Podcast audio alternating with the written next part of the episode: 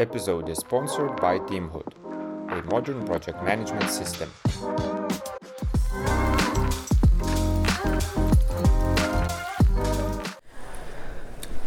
Hey Jürgen, nice to have you on the Agile Couch. That's how we are called in English, in Lithuanian, and Agile Sofas. I've been in your speech, it was uh, very nice and inspiring, I would say, with the new framework that you presented. Now the framework. It's a kind of framework, Okay. kind of framework, but okay. So, uh, so how would you call it? What A is pattern it? library. Pattern library. Yeah, a collection of, of, of practices, but the pattern library is how it is, how these things are usually called, because nothing is mandatory. That's the Mhm. difference between a pattern library and a framework. A framework uh, implies that there is a structure that is static, Boundaries. a boundaries that you must have. That is the minimal required thing to have. And within the framework, you can replace things, but there is there is no framework. So there's only the individual patterns that you can use and build uh, what you want. It's a good catch. It's not a framework. It's a pattern library.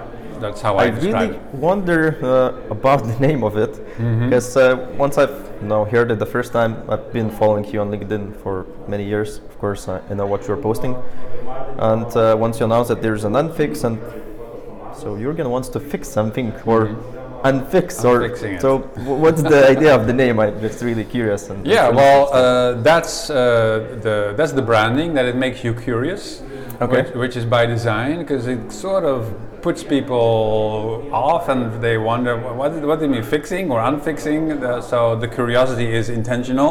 okay.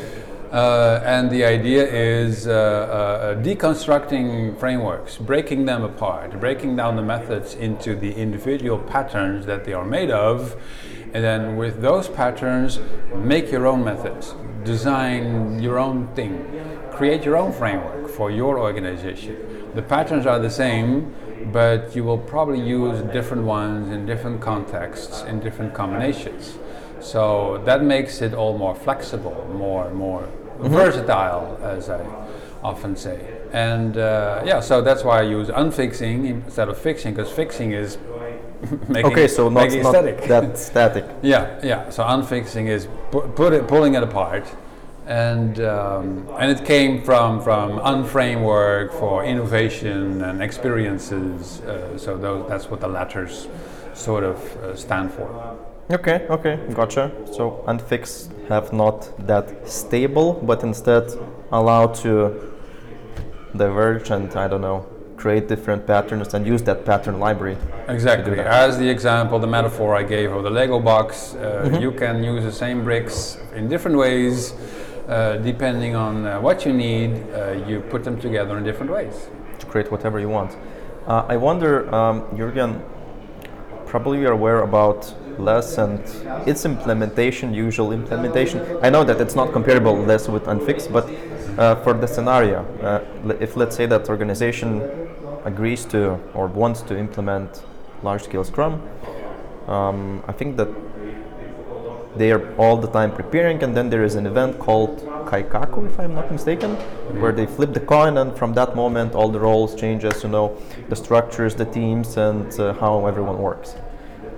Um, so I would say that's a very uh, aggressive way of doing that. Yep. Uh, I wonder, have been have you been thinking for the uh, unfixed pattern libraries how to, you know, evolve them and start using them in the organization, and Yeah. even how to overcome the biases that we or leaders, uh, you know, the teams usually have. That so how do we change and how we, do we start using these patterns? Maybe we need that um, stream crew, or how you call it. Yeah. we need that uh, facilitation crew, but Yeah. So uh, in complexity science, uh, I've learned that there is continuous change and there's disruptive change. Uh, the Japanese words are kaizen and kaikaku. Uh, indeed, and uh, you need a bit of both. Uh, you can get a long way with continuous change. Kaizen, you climb up a mountain and you get better and better, but at some point you probably get to a local optimum. You cannot climb any further uh, because every other direction is down again. Okay. But only when you're at the top uh, metaphorically speaking, then you see what other hills out there are even higher. but to get there, you'll have to jump, or you have to get worse before things get better. And that is the reason to do a Kaizen. And say, okay, now we know what the landscape looks like with continuous change. We have experience. Mm-hmm. We know a bit better what challenges we're facing. Now we're going to do a Kaizen thing. So I'm not against Kaizen. I'm not against disruptive change. Sometimes you need it because you're stuck in your area where you have been operating. But I would suggest you only do that after doing Kaizen for a while and understanding the, the, the landscape. And you can do that with the unfixed patterns because you adopt some individual patterns. You can do a value stream crew. You can have a facilitation crew, and maybe you want to consider an, a platform crew. Uh, th- those are individual changes. A forum is very easy to introduce. You can do those one by one, but maybe at some point you realize this is not. we- We're we're now stuck because we have this matrix organization, for example, that will have to cut up into individual business units, and that is a drastic change. Then you need to introduce a base and say, okay, well, this 50 people or something like that, 20, 100, whatever, needs its own management team and they have to stay out of everything else. We remove the managers from any teams that they are involved in. That's a disruptive change. But maybe you can only do that if you did a number of other Kaizen things first. Then you know better Prepared for that. then you're sort of prepared for it, you've practiced with some patterns, and then you can do the rigorous ones that at some point probably will be needed. I talked about Haier, the Chinese company, uh, Yeah. 11, 12 years ago, they fired all their middle managers. That was a kai, uh, Kaikaku that- that's a huge event. That was a huge thing. But they didn't do that on day one. They had they tried stuff before. They had some So experiments. that was an evolution It of the step that they took, Exactly. but not like yeah. let's they, do this. They came to a point where they said, okay, now we cannot continue without completely disrupting the organization. They, they switched Mm-hmm. from Kaizen to Kaikaku. Okay, gotcha. Um, I have two questions related to your model that actually I was curious about. Uh, one was uh, the question about uh, uh, how you call it uh, that the big uh, clan tribe uh, that Yeah, contains the- you know all the different base, uh, yeah, crews. Yeah, the yeah. base. Yeah. Um, so usually I assume and understand that in the organization that I'm working right now, uh, we have we can call it different bases, multiple bases, tribes, clans. Is there a way that you describe or have you thought of in, in that pattern library how these bases might collaborate? Because at the end, I'm still thinking that there is organization, so they are about to create some unified value or some that they're in common. They have that's Yeah. why the organization. So how do these bases collaborate together? What Yeah. are the patterns you thought of? If there's Well, anything. basically the same patterns repeat at the next level up. So just as uh, individuals get together to form a value stream crew, an agile team or something like that within a base, you can imagine at the next level up that multiple bases get together to, co- to form what I call a value stream cluster.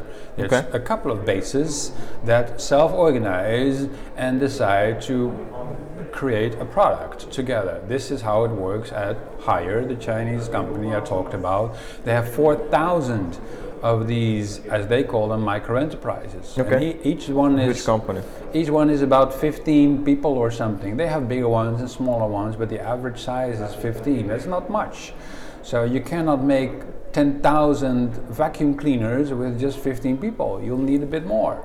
Uh, but they have different kinds of units and they'll find each other. Someone will have the idea to come up with a new type of vacuum cleaner.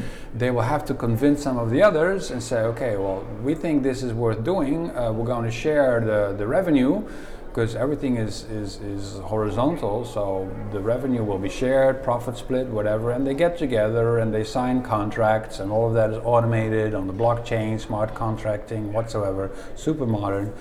And then they make it happen, and then they work together with five, six uh, uh, uh, micro enterprises in a value stream uh, cluster, Yeah, as I would call it. And then they have others who provide services. So other units have factories available where you can go make your vacuum cleaner, for example. So they hire a factory from another part of the of the network, and they can choose from different ones. So which one is the best? Which one has capacity and availability? That would help out for, for that their can product. Yeah. can help us make that vacuum cleaner where our teams can go. And so there's lots of platform uh, micro enterprises that offer those services. You know what it sounds for me once you were saying that that there is not that clear um, business owner in this case then or kind of product owner because like there are two bases that meets they have idea then there they, they hire the another one that is factory and then, then there's a fourth one that helps with something else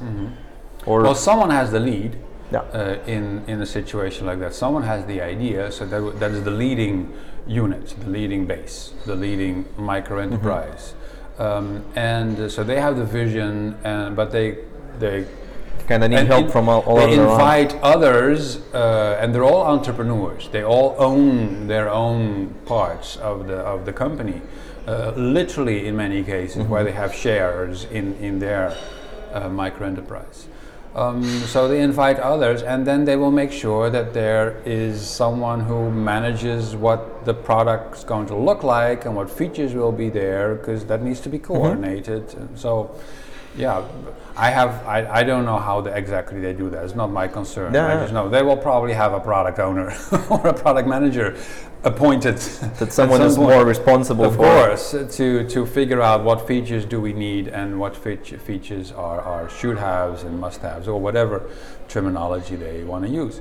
Um, but the point is, it's a network and they come together horizontally, and the CEO does not decide which new products are launched, which business models the entrepreneurs try out. They decide for themselves. Yeah, and I assume they have still some goals, some business perspectives they want to reach, uh, visions, and based on that, that comes in, into the game. Yeah.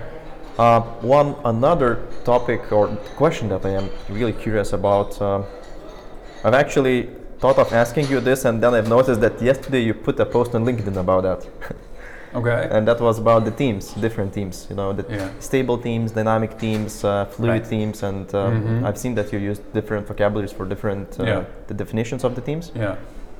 And uh, within these days, it's coming more and more popular to talk about maybe dynamic reteaming is a Mhm. thing. Yep. Maybe we don't need stable teams anymore. Maybe we Mhm. need flexible teams. Yep.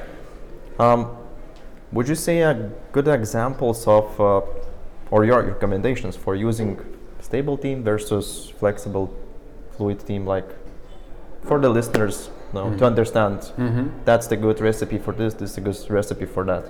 What Well, it is it is not my job to give recommendations which pattern to use.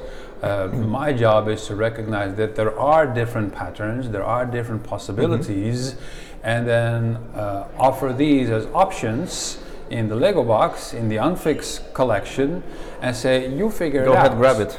Yeah, pick and choose because you are in the best position to decide what fits my context or, or not. Um, and so I, I disagree with, with those who say you should have stable, long lived teams. How do you know? Uh, that, that makes no sense in the airline industry to have long lived, stable teams. They have a different team per flight. Um, and and that, that, that is the best solution for that context. So that I call them mission teams. They are literally on a mission from one place to the other, and then they Dissolve. dissolve and they form another. But they meet each other again and again on different flights. So the bigger base consists of the same people, so they know everyone and and. Uh, the typical things such as forming, storming, norming, performing, all of that, that happens at another level, right? That happens at a level higher uh, with the larger group. Within the base, I mean, because they're Exactly. anyways within. within the base so that they, they do that they train for that so that they know that we can make any combination of stewards stewardesses pilots and they will know how to get the plane from a to b uh, we can rely and we don't need to send the manager with them they take care of that plane Hopefully, hopefully. yeah exactly so the manager doesn't need to be with the team to Yeah, to monitor to- everything that's the, the analogy I use, but that works in the airline industry. It is very different if you operate a coffee bar or if you operate a call center. Uh, then so there are lots of different contexts and, and long-lived stable teams are a, usually a good solution in IT indeed. But even there people realize that well actually not always. It's not always actually there are benefits to reteaming. It is becoming more popular now indeed because you said because of the book of uh, dynamic reteaming by Heidi Helfand and, and others come to the same conclusions.